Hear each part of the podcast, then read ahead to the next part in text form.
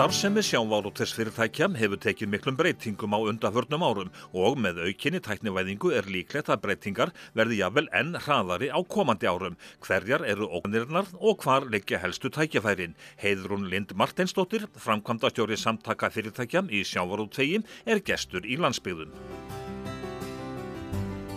Heiðrúlind, já, ef þú horfir bara í nokkur ár fram í tíman, fimm ár, segjum það, hvernig eh, mun sjávarútöðurum breytast á næstu fimm árum? Ég er auðvitað bara mjög bjarsín fyrir hönd sjávarútöðs og ég ger ekki ráð fyrir öðru, svona miða við taktin sem að verið hefur. En að við munum sjá á næstu 5-10 árum töluverða aukningu í viðbót í verðmætasköpun í sjávarútöði. Vonandi hækkun á afurðaverði betri nýtingu, auknum gæðum, allt leiðir þetta auðvitað til þess að við erum að fá meiri verðmæti fyrir hvert fisk sem að dreinur og sjó. Eh, þetta verður þó að grundvallast auðvitað á þeirri forsendu að fyrirtækin hafi svigrum til áframhaldandi blómlegra fjárfestinga í atvinnugrunni og það þá reyðir sig á það að reksturinn gangi vel. Þannig að, hérna, að það ári vel í sjáarútvei. Eh, þar eru auðvitað erlendir markaðir sem að munu skipta miklu máli, bara hvernig þróast þeir vonandi hérna, verður þessi veira öll fyrir bí fljóðlega eh, og svo þetta áframhaldandi stöðug og áreðanleg lögjöf. Eh, það er svona grundvallar forsendan að, hérna, að menn geti hafi fyrir sjáanleikan í stöndugu kerfi. Þannig að ef að þetta allt gengur upp að þá er bara mjög bjart sín á það að við getum skapað já, meiri verðmæti en við gerum í dag. En sjávar útföðurinn eins og já, margar aðra greinar er að já, tækni væðast sem ansi fljótt þessi árin. Hann er auðvitað á flegi ferð og hérna, ég myndi segja að sjávarútugur hafi verið svona brimbrjóturinn í þessari fjórðu yðbildingu hér á landi allavega. E, og þar e, einmitt sjáum við bara hvernig skilur að á milli landa að vera með gott fiskveistjórnakerfi. Kerfið sem að býr til þessa kvata, til þessa fjárfesta, til þessa fara í nýsköpun. Og það er auðvitað þessi nýsköpun samstarf þá sjávarútvegs, grunn atvinnu greinarinnar og tæknifyrirtækja. Það krefst tíma og fjármagns og hérna góðra samvinnu og trösts eh, kerfið hefur í raun verið kvatin að því að þetta var til. Þannig að hérna ég er bara mjög bjart sín á að við höldum þessari vekkferð áfram og þá búum til auk, aukin verðmæti í afleitum greinum eða greinum sem að þjónusta íslenska sjávarútu og geta svo selt þessa þekkingu áleiðs. Við þekkjum það að samherji til dæmis á eigafjörðarsvæðinu er með ja, ný fiskvinnslu hús, flottar græjur, breymi, Reykjavík er að taka í notkun nýtt hús. Er þetta það sem að koma skal hjá fyrirtækjum þannig að þau ja, verði bara lífvennleg eða hvað? Þetta er auðvitað likil þáttur í því að treysta samkefnisæfni í Íslands sjáurútvers og treysta samkefnisæfni fiskvinnslu í Íslandi. Það er að tæknivæðast. Við keppum ekki til dæmis í launakostnaði við önnu lönd eins og Póland eða Kína eða Asju eða hérna, þar sem að launakostnaðar er brotabróta því sem hann er á Íslandi. Við viljum greiða góð laun og við ætlum að greiða góð laun í íslenskum sjávarútvegi Eh, en það þýðir það að við þurfum að breyta áherslum okkar og þessi tæknivæðing að fækka mannshöndum, eh, það er bæði kostnæðalegt atriði en ekki síður gæðamál. Að, hérna, því færri handtök sem að fiskurinn fær því, betri, eða, því betur treystu við gæðin. Þannig að jú, þetta er algjör grundvallar þáttur að við séum að tæknivæðast, það er bara að treysta þessa samkefnisæfni, að við getum keft við sjáarútu og fiskvinnslur í öðrum löndum. En metnaðurinn liggur auðvitað þarna að við munum full vinna afurðin á Íslandi því að það skapar auðvitað mest verðmæti. En fórsendin er aftur að mann geti þá fjárfest í þessari nýjustu tækni. En eins og þú segir að þá er sjávar útþögur það, já, það er verið að selja afurðurnar á já, alþjóðlegum mörguðum þar sem að já, er verið að keppa við þjóðið þar sem að launin eru miklu, miklu lægri. Er það sem að tæknivæðingin, er, er það sem einna rökrétta svarið? Já hún er í raun eins og í grundvallar fórsenda fyrir því að við treystum samkjöfnisefni. Eh, önnur fórsenda er að sjálfsögðu bara önnur ekstra skilir því. Eh, svona hvaða jarðveg stjórnvöld búa atvinnugreininni og fiskvinnslu þá sérstaklega eh, að innviðir hér virki, ég menna sjáarútu reyðir sig að mjög miklu leiti á já, fjölda innviða þar sem við þurfum að treysta á að stjórnvöld fjárfesti í þessum innviðum. Það eru auðvitað veginnir, það er raforkukerfið, það eru alþjóðasamgöngur, það eru hafnir Þannig að það, það þarf að huga vel að þessu til þess einmitt að þetta virki allt eins og hérna, tannhjólin öll virki án þess að það sé eitthvað högt á þeim. En þegar það eru verið að tala um og sína frá þessum já, nýju flottu fiskvinnslum þá er það svona, ég oftar en ekki að þetta er íslenskur hugbúnaður, velakosturinn er, er íslenskur. Hvers vegna fara íslensku sjáumstofyrirtækin þessa leið en ekki bara kaupa bara eitthvað unit frá hinnum stóra heimi? Já, svarið er umfalt. Það er ekki til út í hinnum stóra heimi. Þannig að hérna, frum kvöðlarnir eru í raun uh, íslensku sjáarútur. Þannig að það er bara verið að leysa vandamál sem að eru þá vandamál uh, sjáarútvegs uh, allstæðar í heiminum. En hérna, vegna einmitt þessa að menn hafa, kerfið hefur skapað þennan kvata að menn geti fjárfest í nýsköpun og vilji leysa vandamál sem verður kannski ekki leist á næstu 2-3 árum. Hugsanlega verður að leist eftir 10 ár. Að menn leggja í þessa vegferð vegna þess að þeir sjá fram á að vera starfandi í atvinnugreinu eftir tíu ár að það geti þá búið til aukin verðmættu og þetta er búið að taka langan tíma en við erum komin á ágætti stað í dag og við þurfum auðvitað alltaf að halda þessu áfram. Og síðan fer auðvitað tæknin, ég meina, hérna, það eru núna rússar, normenn að kaupa þessa íslensku tækni. Þannig að hérna, það eru auðvitað kannski doldið skeinuhætt fyrir sjávarútveg að það eru þá önnur hérna, samkjöfnistjóður okkar eru að farin að kaupa þekkingu og tækni sem við höfum þróað. En það þarf þá bara að halda áfram, það þarf alltaf að hérna, hlaupa aðeins ræðar.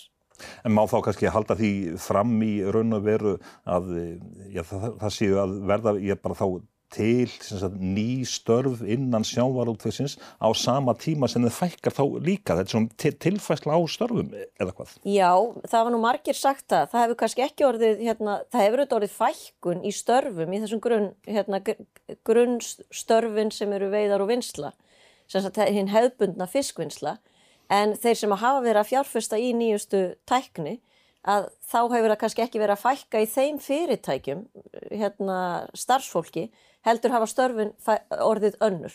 Tæknivætari störf þarf hérna, auki mentunastig, annars konar störf verða til. Betur launustörf, auðveldari störf líkamlega, þannig að hérna, það verið, það verður framþróunin í þessu. En þetta eru miklar fjárfestingar. Ég þau fyrirtæki sem að einhverju hluta vegna e, tæknivæðast ekki á næstu árum, hvað verður þau? Sitja þau þá bara eftir eða?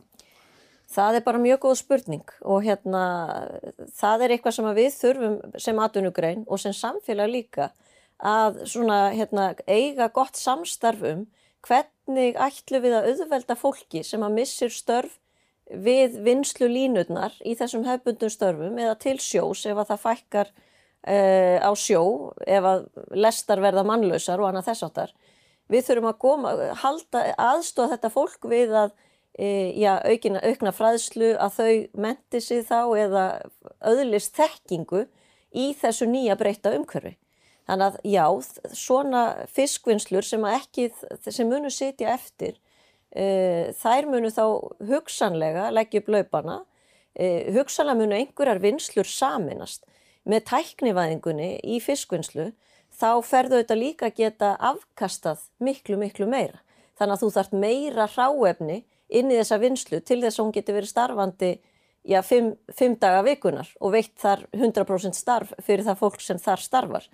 E, þannig að hugsanlega mun þá vinsla verða á færri stöðum, einhverjar útgerði munu hugsanlega sameinast um vinslur. Þetta sér maður fyrir sér svona til næstu ára, að það verða ekki, hérna, það verður ekki fjárfest í völkutækjum eða mariltækjum í hverju einustu fiskvinnslu á landinu. Ég held að það er því, hérna, þá værum við að horfa fram á jafnvel offjárfestingu í greininni þá hefðu allar þessar vinslur ekki nægt hráefni til þess að reyka sig hérna, réttum með við núlið. Þannig að svona getur hérna, svona, þetta verða vakstaverkir næstu ára sem við þurfum bara sem samfélag að takast á við. Hérna, hvernig við hérna, svona, horfum fram á þetta, þessa breytingu í störfum.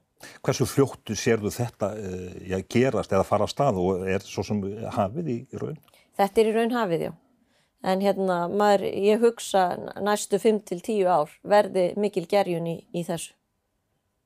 En er það þá líka ég krafa markaðarins að ja, fyrirtækin eh, stækki til þess að ná fram hagræðingu ja, vegna þess að ja, íslensku fyrirtækin þó okkur þykjuðu stór þá eru nú ekkert svo mjög stór á, á svona alþjóðlega mælikvarða?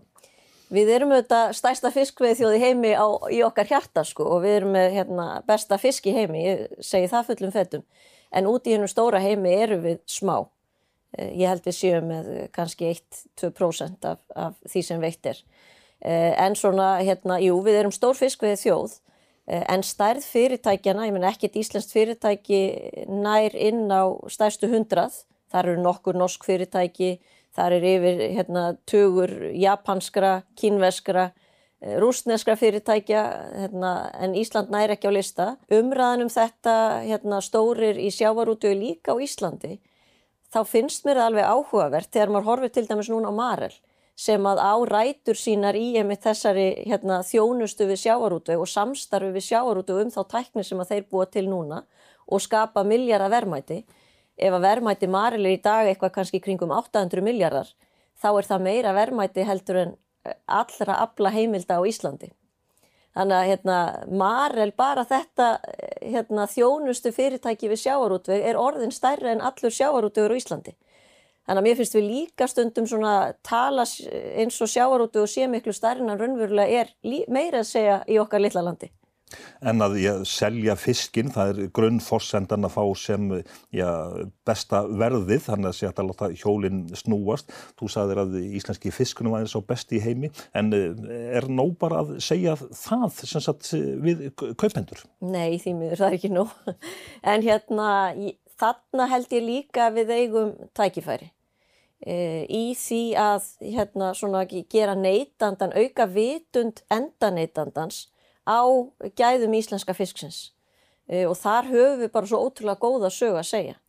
E, bara hérna hvernig hann er veittur, hérna sjálfbærnin í veiðunum, e, sjálfbærnin í fyrirtækjunum og líka svona kannski þessi mál sem að núna hafa orðið mjög ábyrrandi eru auðvitað loftslagsmálin, umhverfismálin. Þar stöndu við auðvitað mjög framarlega í því að draga úr kólefnissporinu, bara hvernig við hérna förum að í veiðunum endurvinnsla á veiðafærum, allt er þetta þættir sem að eru ótrúlega góðir inn í þetta, þetta umhverfi okkur átt núna. Hvernig neytendur dagsins í dag, ungir neytendur, neytendur framtíðarnar, hvaða er sem að þeim finnst mikilvægt þegar þeir eru að kaupa uh, í matinn. Þar eru við auðvitað að keppa ekkit bara við fisk, þar eru við að keppa við alls konar hérna, prótengjafa. En að draga úr kólefnissporinu, tölum ég næst svona um, ég skipa flotan sem að um, já hann er nú orðin ansi gamall þannig að þið séð, eh, eru Ramags fiskiskip rétt handa við hodnið? Ég vildi óska ég gæti sagt já og ég vildi óska að við gætum sagt heyrðu við ætlum bara að verða hérna, að keira á ramagskipum eða, eða vettni eða hvað sem verður fyrir valinu á næstu 5-10 árum. Maður verður hins vegar að vera raunsar í þessu og staðrindin er svo að það er ekki til í dag laust í fiskveiðum sem að leysir jarðefni elsnita af hólmi. Það er ekkert fiskiskip í dag sem að hérna, er komið í þessa hérna, vegferð. Þannig að við verðum auðvitað að treysta á þá tækni sem að þegar er til staðar og reyna þá að minka, já minka notkunn á jarðefnaelsnitinu með auðvitað ýmsum leiðum sem færar eru e, en síðan auðvitað fylgjast með þróun og vera vakandi fyrir þróun og vera þá í færum til að fjárfesta í þeirri tækni þegar hún kemur. En í dag er það þannig að fyrirtækjum allan heim eru hérna, já bara veðja á, sumir veðja á vettni, aðrir veðja á ramagn veist, það er ekkert, það er engin svona, það er ekki farið að sjást í svona einhver eina löst sem að menn sé að þetta verður löstning hvað sjávar út við varðar. En hvað með fiskaldi og þá bara þorskaldi, tökum það? Mm. Þarna er bara ótrúlega dýnamík og hérna maður sér miklar breytingar sem eru eiga sér stað í svona hvernig hérna menn munu veiða fisk í framtíðinni. Nú er, hérna, ég meina það eru til stað skip í dag sem eru farin að koma með þorsk lífanda landi mm. í töngum Þannig að það er kannski svona fyrsti vísirinn eða svona að einhverju að, að halda fisknum lifandi þar til hann fer hérna í vinslu. Þannig að landeldi er alveg eins, ef að þetta er hægt, þá tel ég að landeldi eigi sér alveg hérna mjög lífanlega framtíð. í þorski. Tölum næst um já, útflutning á óunnum fiski sem að er gríðalegur. Mm. Já, það hefur verið aukning í útflutning á óunnum fiski. Eh, það er auðvitað eitthvað sem við verðum að fylgjast með. Ef að úr því að við erum að segja við höfum metnað í því að fullvinna afurður hér heima og fjárfestingin í landi ber þess öll merki að þar likur metnaðurinn. Að það, þá er það hins vegar þannig að það verður alltaf eitthvað af fiski sem að mun fara óunnum landi og það getur þá verið vegna þess að hann hendi illa tilvinnslu hér innanlands. Flatfiskar fara miklu leiti úr landi vegna þess að einmitt að það bara svarar ekki kostnaði að vinna þá hér heima. Eh, við höfum séð aukningu í útflutningi á óunnum þorski. Það er áhugjefni og við þurfum að finna út úr því hvað veldur það er alltaf einhver hluti sem að fer óunin, smáfiskur eða annað þess áttar sem er mitt hendar þá síður til vinslu. Útflutningurinn á þorski óunnum hefur svona, það má í raun segja sveiflan sé bara nákvæmlega eins og sveiflan í gengi krónunar. Bara þegar að samkjafnisæfni fiskvinnsla á Íslandi fer þverrandi við gengi krónunar, ef að hún er orðin það sterk að fiskvinnslan fer að þjást, þá sjáum við aukningu í útflutningi og öfugt. Þannig að þetta skiptir líka máli bara um samkefni fiskvinnslunar. En við erum ekki stór útflytjanda á óunum fiski ef við berum okkur til dæmi sama við Noreg. Það er kannski 4-5% af þoski hefur verið að fara óunum úr landi. Núna í COVID er það kannski að fara um og upp undir 10% eh, og það eru bara COVID viðbrögð. Hér lokuðu fiskvinnslur til dæmis, eh, afkasta getan í fiskvinnslu var minni út af sótvarnaráðstöfunum. Það eru svona atvik sem hafa komið upp núna bara þessu ári sem hafa leitt til þess að menn afsetja meira óunnið úr landi. Þannig að það er að bregðast við einhverju óeðlu ástandi og það, ég hefði áökjur á því ef við færum að grýpa til einhverju aðgerða núna, hefta útflutningin í svona óeðlu ástandi. En við höfum að segja, ok, ef þetta heldur áfram, þá þurfum við eitthvað að hugsa þetta. Þú uh, nefndir í íslensku krónuna, uh, sjávarútvörun enn og aftur, þetta er svona alþjóðleg grein, en hvernig er það þá fyrir greinina bara svona almennt sem að ég gerir ráð fyrir að tekjurna séu þá aðalega í að hvað í evrum og dollurum líklega, mm. en svo sem sagt stór hluti útgjaldana er í, í íslenskri örmynd. Mm -hmm. Ég held að sjávarútvörun sjóðin mjög hérna, fær í því að aðlega sig að þessu hérna, sveiplum í gengi krónuna sérstaklega. En hérna, það sem að kannski er ósk eða vilji sjávarútvegs er bara gengið sér nokkuð stöðugt að það sé ekki mjög miklar sveiflur því það er erfitt í reksturinnum ófyrir sjáanleikin. Ef að menn sjá fyrir eða þú hefur nokkuð tröst hérna, á því að það sé ekki mikla sveiflur í gengi íslensku krónunar þá mun sjávarútvegur aðlaga sig að því gengi sem er þá hefur rétta gengi krónunar. Við erum alveg komin laungu fram hjá hérna svona þeir, þeirri hugsun að það er einhvern veginn að fellagengi krónunar vegna sjávarútvegs eða annað þess áttar. Hér áður fyrir var það auðvitað vegna þess að það var einu útflutningsatvinnuvegur okkar þannig að menn urðu að grýpa til aðgerðumlega og sjávarútvegu var, var farin að býða verulega nekki. Þannig að það var ekki bara fyrir sjávarútvegu sem gengi krónu á felt heldur bara það að við værum að flytja út einhver verðmæti. En ég meina þessi, þetta svona, hérna, þessi málflutningur er algjörlega búinn. Menna, í dag er bara krafan svo að við sjöum hér með eitthvað skinsamlegt, hérna, eitthvað skinsamlega efnagstjórn þannig að við höldum genginu tiltöla stöður. En þessi staða, sagt, það er mikil öldu gangur alltaf svona, frá svona, e, ja, ársfjörðungi til ársfjörðungs. Það er þá, ég meina þetta er áhættus, hérna, það er mikil áhætta fólkin í því að hérna, vera í sjávarúti og það eru þetta margar breytur sem þar koma hérna inn í sem við höfum nákvæmlega engin áhrif á. Ég meina bara gengt eh, fiskistofna inn í lögsöguna, samningar við eh, hérna, önnu ríki í tengslu við deilistofna. Það eru þetta bara markas aðstæður og pólitískar aðstæður á erlendu mörgum. Rúsland kvarf svo til á einni nóttu. Nígerja hefur verið mjög erfið vegna efnarsrenginga þar út af oljuverslækkunum. Þannig að veist, þetta, eru svona, þetta eru breytur sem við gerum ótrúlega lítið með en hins vegar er önnur breyta hér sem er líka stór sem við höfum töluverð áhrif á og það er einmitt bara pólitík og hvernig við hérna, hvernig lögjafinn býrum nútana hvað rekstraskilir í sjávarútvegs varðar og eins og ég segi stöð, fyrir sjáanleg og stöðu lögjöf eh, er svona það er í raun eina krafa sjávarútvegs að menn sjáu langt fram í tíman því þú verður að fjárfesta til 20-30 ára, þú verður þá að vita hvaða tekjur eru að koma og hvaða auðvitað aflaheimildir þú munir hafa í fyrirsjónleiri framtíð. En ég, þessi umræða einmitt, hún fer vantarlega núna á fullt skrið í eh, aðdraganda alþengiskostningana. Eh, sjávarútvörun er að nýta öðlindirnar og svo sagt, hvernig það allt saman fer inn í ja, eh, nýja eða breyta stjórnarskrá. Mm -hmm. Hvernig ná að ná sátt um þetta allt saman? Það er bara miljón dólar á spurning en hérna sko það er mjög misjáft hvaða skilning fólk leggur í orði sátt. Uh, ég er ekki þeirra skoðunar að sátt felist í því að við einhvern veginn hættum að ræða sjávarútu og allir verði, þetta verður allt eins og blómstrið eina. Nýting á öðlind er í eðlisínu pólitísk.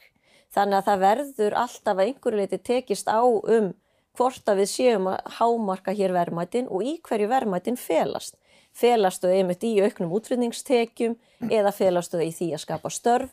Það er bara misjátt hvernig hérna flokkar sem að ná sæti á alþingi meta sem verðmæti.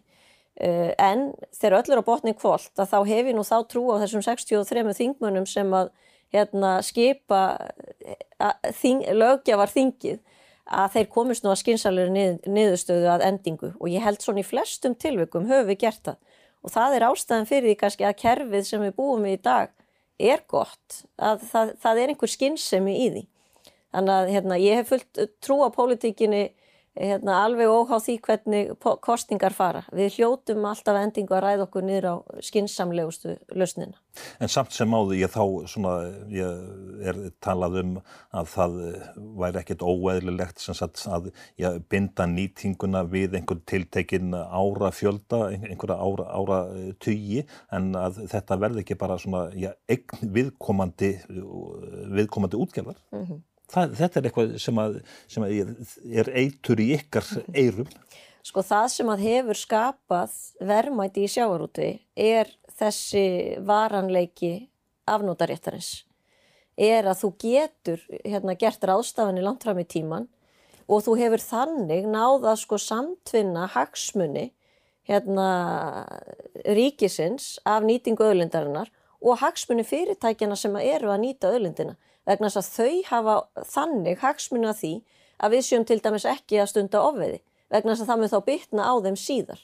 Ef að þú hefur bara takmarkaðan tíma þar sem þú hefur aflaheimildir, þá, ég meina reynslan, þar sem að það hefur verið gert í, hjá öðrum þjóðum, að þá sjáum við svona hérna hnignun, má segja, er að hérna ofveiði jafnvel ekst vegna þess að menn hugsa, herri, ég á þessar aflaheimildir í dag en ég á þær kannski ekki eftir fimm ár af hverju á ég að hafa einhverja hagsmunu á því að við séum að nýta öllundina inn í alla framtíð þegar ég mun ekki vera starfandi í þeirri framtíð. Þetta sá við til að mynda og höfum séð í skýslum frá færum.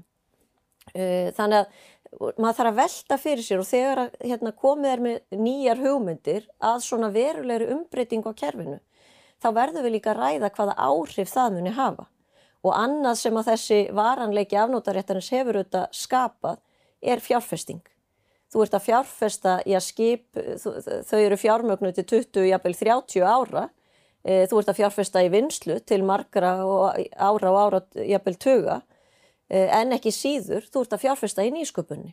Og nýsköpun er ekkit eitthvað sem er svona nice to have, þetta er nöðsynlegt, eins og við erum búin að vera að tala um hér, til þess að skapa aukinn verðmæti. Og nýsköpun er ekki eitthvað sem að verður til á einu ári eða tveimur árum eða þremur eða jafnvel tíu árum hún verður til á 20, 30, 40 árum. Mér finnst ofta ágætt að nefna bara völku sem dæmi. Þetta er fyrirtæki sem er stopnað 2003 að með minnir. Eh, nýsköpun og sjóður atvinnulífsins sem var reyndar ekkit inn í þessu frá upphafi, hann seldi hlut sinn hérna fyrir tveimur ár, 2018. Þannig að 15 ár að þá er svona sá sem að fjárfesti í svona frumstigum fyrirtækisins, hann sá fyrst tilefnin til þess að stíga út. Þannig að þarna, þarna sjáum við bara svona prósessin sem að fælst í því að búa, að nár síðan raunverulega tilbaka öllum fjármununum og tímanum sem að þú hefur varið í það að hérna, leysa vandamáli sem þú þurftir að leysa. Valka er fyrirtæki sem að framleiðir fiskvinnslu vilar. Já, ég meina þetta er annað atrið sem við sjáum ekki í sjávarútu í annara þjóða. Inn í samtök fyrirtækja í sjávarútvegi er fiskeldið komið, lagseldið, þetta er mjög undilt. Eh, erlend fyrirtæki eru mjög ráðandi eh, í þessum fyrirtækjum. Sér þú fyrir þeir í framtíðinni að erlend fyrirtæki komi inn í sagt, þennan hefðbundna sjávarútveg sem við höfum að tala um? Eh, alþjóðavæðingin eru þetta bara alltaf að aukast. Þannig að það gæti svo sem gerst á einhverjum tímapunkti. En aftur það eru þetta lögjafans ákveða það og ég ætla að leifa lögjafanum hérna, ég ætla að treysta honum til að taka skinsamlega ákverðin í því. Hvað fiskaldi varðar að þá er það náttúrulega kannski ekki jafn augljós nýting á öðlind, hérna sameinleiri öðlind þjóðar. En ég held að hérna, það hafi blessunarlega orðið þannig að erlendir aðelar hafi sér tækifæri því að fjárfesta hér á landi í fiskaldinu. Við höfðum verið um hérna, margra ára skeið og gengið nokkuð brösulega við Íslandingar að hérna, þróa og koma upp lífvænlegri hérna, lífvænlegu fiskaldi í sjó sérstaklega og það, hérna, svo saga kannski var ekkit eh, sérstaklega hérna Já, það voru ekki líkur á því að hún myndi halda áfram hérna, eða, eða leiða til mikils ávakstar. Þannig að þýletunum til getum að fagnað erlendri fjárfestingu því að það er ekki bara fjármunni sem þá kom inn. Það eru þetta reynsla og þekking þeirra sem að komu með þá fjármunni sem eru þetta frá fiskaldi í Nóri sem eru þetta, hérna, þar eru þeir heimsmeistarar í, í eldi klárlega. Þannig að hérna, vonandi koma þeir þá inn með þekkinguna sem fælst í því að hérna, gera ekki sömu mistökin aftur og aftur og aftur. Þannig að við erum alltaf að byggja á hérna, reynslu normana þar og ég held að þar hafi tekist ágætlega til. Ég meina við sjáum það að verðmætti í fiskaldinu eh, eru að aukast stórstígum bara ár frá ári núna á undanfötnum 2-3 árum og vonandi heldur það áfram. Heirun Lind Marteinsdóttir, Frankvandastjóri, samtaka fyrirtækja í Sjámarútvegi. Þakka þér fyrir spjallið. Jú, takk, takk.